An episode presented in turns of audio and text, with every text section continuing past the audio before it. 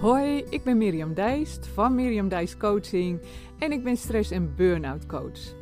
En met deze Naar een lichter leven podcast neem ik je mee hoe je stress en spanningen helemaal kunt loslaten en je zo weer rustig, energiek en ontspannen gaat voelen, waardoor je veel meer van alles en iedereen in je omgeving kunt genieten en vooral ook van jezelf. Ja, de titel van deze podcastaflevering. Ik heb het maar even zo uh, genoemd. Rennen, vliegen en door. Nou, de haastmodus, daar gaat het dus om. En uh, ja, deze titel, ik denk uh, als je dit zo hoort en leest, dat je het vast wel zal herkennen. Hè, dan heb ik het over even snel dit doen en even snel dat. En ja, dan is het ook nog eens zo, terwijl je het ene aan het doen bent, dan ben je vaak in je hoofd alweer bezig met wat je daarna wil gaan doen. En misschien heb je wel een heel to-do-lijstje of zo, wat je voor een dag uh, wil afwerken en afvinken. En als iets je veel energie kost, ja, dan is het wel dat je in je hoofd met het ene bezig bent en alvast aan het nadenken bent over het andere. Nou, ik heb dat wel eens eerder in uh, mijn podcast-afleveringen uh, uitgelegd. He, dat heeft er ook mee te maken dat je brein niet kan multitasken. En uh, dat betekent, hè, wij denken wel dat we dat kunnen, maar dan is hij heel snel van de ene taak, hè, dus wat je aan het doen bent, naar de andere aan het switchen, dus waar je in je hoofd over aan het nadenken bent. En, en dat kost echt zo enorm veel energie. Ja, en wat je dan niet uh, beseft waarschijnlijk, um, wat hierdoor ook ontstaat, is dat je leven als het ware ongemerkt aan je voorbij gaat. En dat komt doordat je niet met je volle aandacht bent bij wat je aan het doen bent. Nou, en daarnaast ook nog hè, dat je daar ook niet echt kan genieten van de dingen die je aan het doen bent. Nou, dat leven ongemerkt aan je voorbij gaan, uh, dat zal je vast wel eens herkennen, hè, dat je ineens uh, ja, met iemand een uh, gesprek hebt of zo. En je zegt, jeetje, wat zijn die afgelopen weken toch snel gegaan. Nou, dat betekent eigenlijk dat je niet echt met die aandacht hebt geleefd. En ja, ik ben ook een mens, zeg ik altijd, hè? geen robot, dus ik heb dat ook wel eens.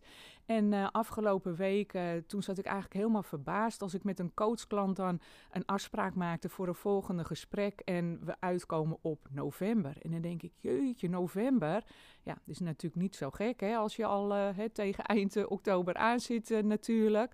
Maar dat is voor mij ook altijd een teken als ik dan denk van, hé, hey, wat zijn die afgelopen weken toch snel gegaan. Dat ik veel meer in mijn hoofd heb geleefd en dus veel, meer, veel minder met de aandacht ben geweest bij de dingen die ik heb gedaan. En dat is eigenlijk ontzettend jammer. Nou, zo heb ik ook een, een, ja, een klant, een van mijn klanten. En we zijn al wat verder op in haar traject. En ik vroeg zo van, goh, wat is nou nog hè, waar je nog specifiek wat meer aandacht aan wil schenken? Hè, daar nog even aan werk, om zo te zeggen. Nou, en toen vertelde ze, ja, ik ben toch niet helemaal tevreden met mijn ochtend. Nou, dus ik vroeg, nou, vertel, waar heeft dat mee te maken? En toen vertelde ze dat ja, ze alles zo in de ochtend op de automatische piloot deed. Dus uh, de wekker ging, ze ging uit bed, dan stapte ze als eerste onder de douche. Uh, ik geloof een broodje maken en zo, voor uh, mee te nemen naar het werk. Maar eigenlijk pas als ze op het werk was, dan had ze het idee, hé, hey, nou begint mijn dag. Terwijl, ja, die was natuurlijk al lang begonnen op het moment dat ze de bed uitstapt. Maar dat heeft alles te maken dat je dan ja, zo op zo'n automatische piloot staat en je handelingen automatisch gaan, omdat ze gewoon iedere dag uh, hetzelfde ongeveer zijn. Dan, dan hoef je brein je daar niet zo heel erg voor in te spannen. Maar juist op dat soort momenten gaat je brein allerlei andere gedachten bij je naar binnen gooien.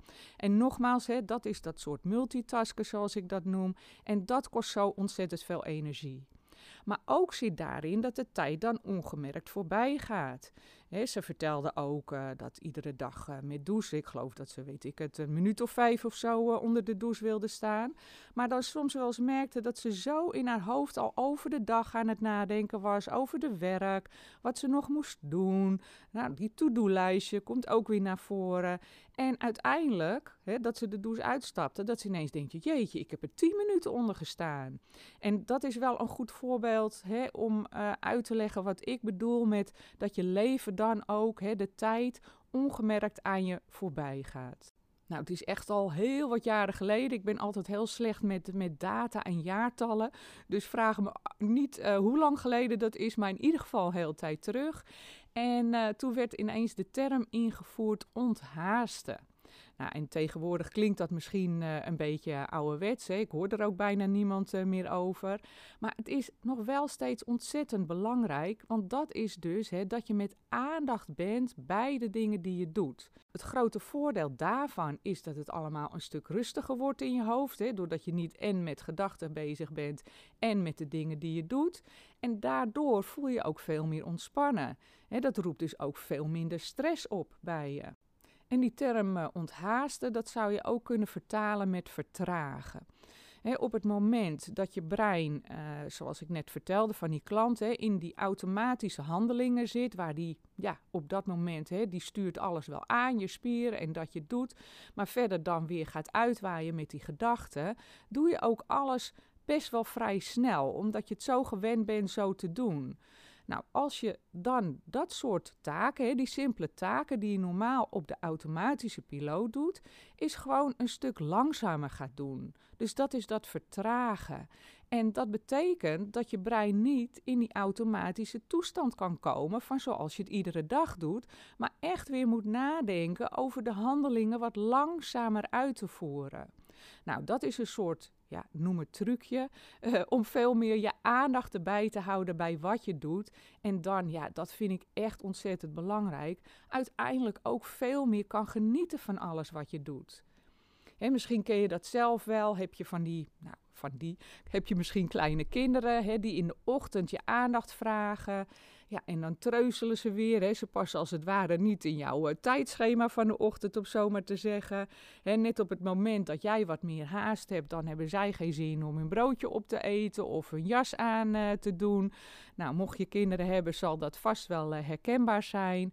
Maar kijk dan eens van, hey, hoe kan ik ze dan toch in die ochtend wat meer aandacht geven? Door toch eens te luisteren naar hun verhaaltje. Door niet constant, schiet op, schiet op en we moeten daarheen.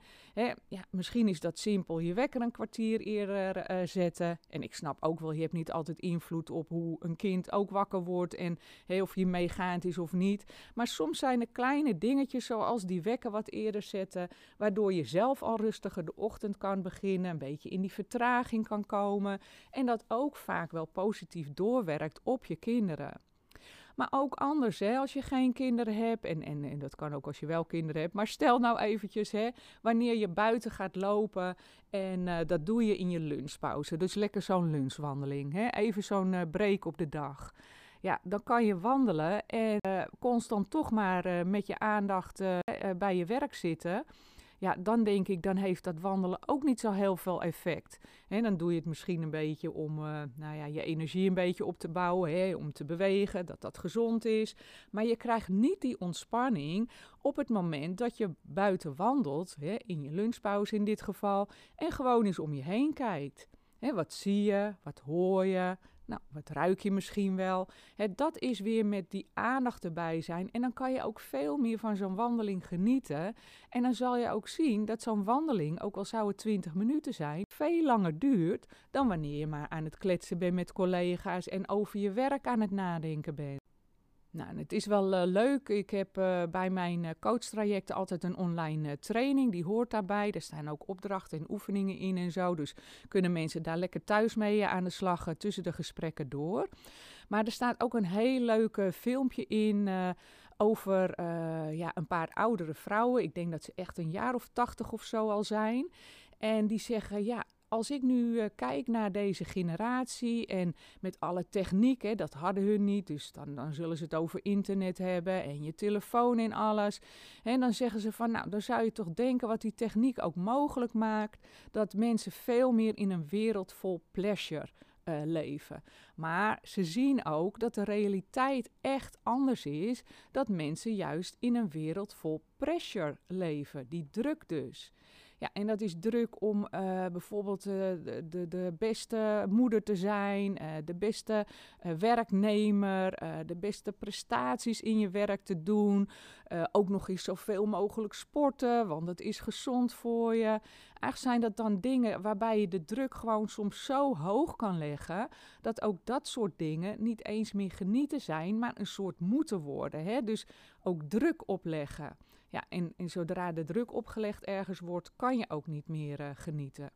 Nou, zij kijken dan terug hè, op uh, waar zij toen zij jong waren zo van konden genieten. En uh, ja, als we dan nu kijken naar die generatie zoals dat nu gaat, dan zien ze dat die dat echt anders beleven. En dan zeggen ze ook, ja, als ik nu een jonge vrouw was met alles wat ik weet, hè, in mijn leven heb opgedaan, dan zou ik gewoon veel meer tijd besteden aan being in plaats van doing. Nou, en met dat being, hè, dan eh, halen ze momentjes terug. Er was een mevrouw die vroeger altijd danste. Hè, dat ze zei, oh, ik zou er toch wat voor geven als ik gewoon eens een halve minuut weer...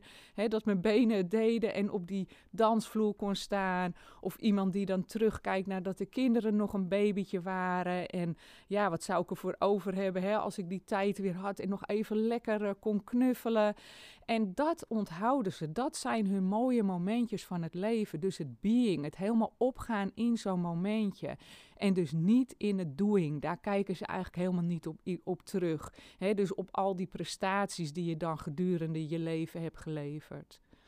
Nou, dus ik zou zeggen, uh, ga eens na wat jij voor jezelf nodig hebt. Hè, om veel meer te kunnen onthaasten gedurende de dag. Hè, dus meer in die vertragingen te kunnen gaan zitten. En uh, ja, op welke momenten zou dat je kunnen helpen om zo ook dan uit je hoofd te komen, meer in die ontspanning te, te blijven. En heel belangrijk, wat heb je daar dan voor nodig? Nou, mocht jij uh, herkennen dat je al uh, wat langer in alleen maar het doing uh, zit, om zo maar even te zeggen, dan kan dat natuurlijk ook stress opleveren. Je zal deze podcast ook niet voor niks luisteren. Die gaat natuurlijk over stressklachten, hè, om een burn-out te voorkomen. Nou, kijk dan ook eens eventjes op mijn website, want daar kan je een gratis checklist downloaden met 33 signalen van chronische stress. Die zet ik er altijd in om je al even een alertheid te geven. Blijf niet doorgaan, herken je eigen signalen. En op het moment dat je die kan herkennen, weet je ook of het voor jou nodig is om ja, maatregelen te nemen, om je veel meer ontspannen te gaan voelen en dan ook die beruchte burn-out te voorkomen. Nou, die kan je heel makkelijk downloaden via mijn website. En mijn website, nou, ik zeg het vaker, daar kom je weer heel eenvoudig door www.miriamdijscoaching.nl. Nou, en dan uh, was dit hem voor nu en uh, tot de volgende keer.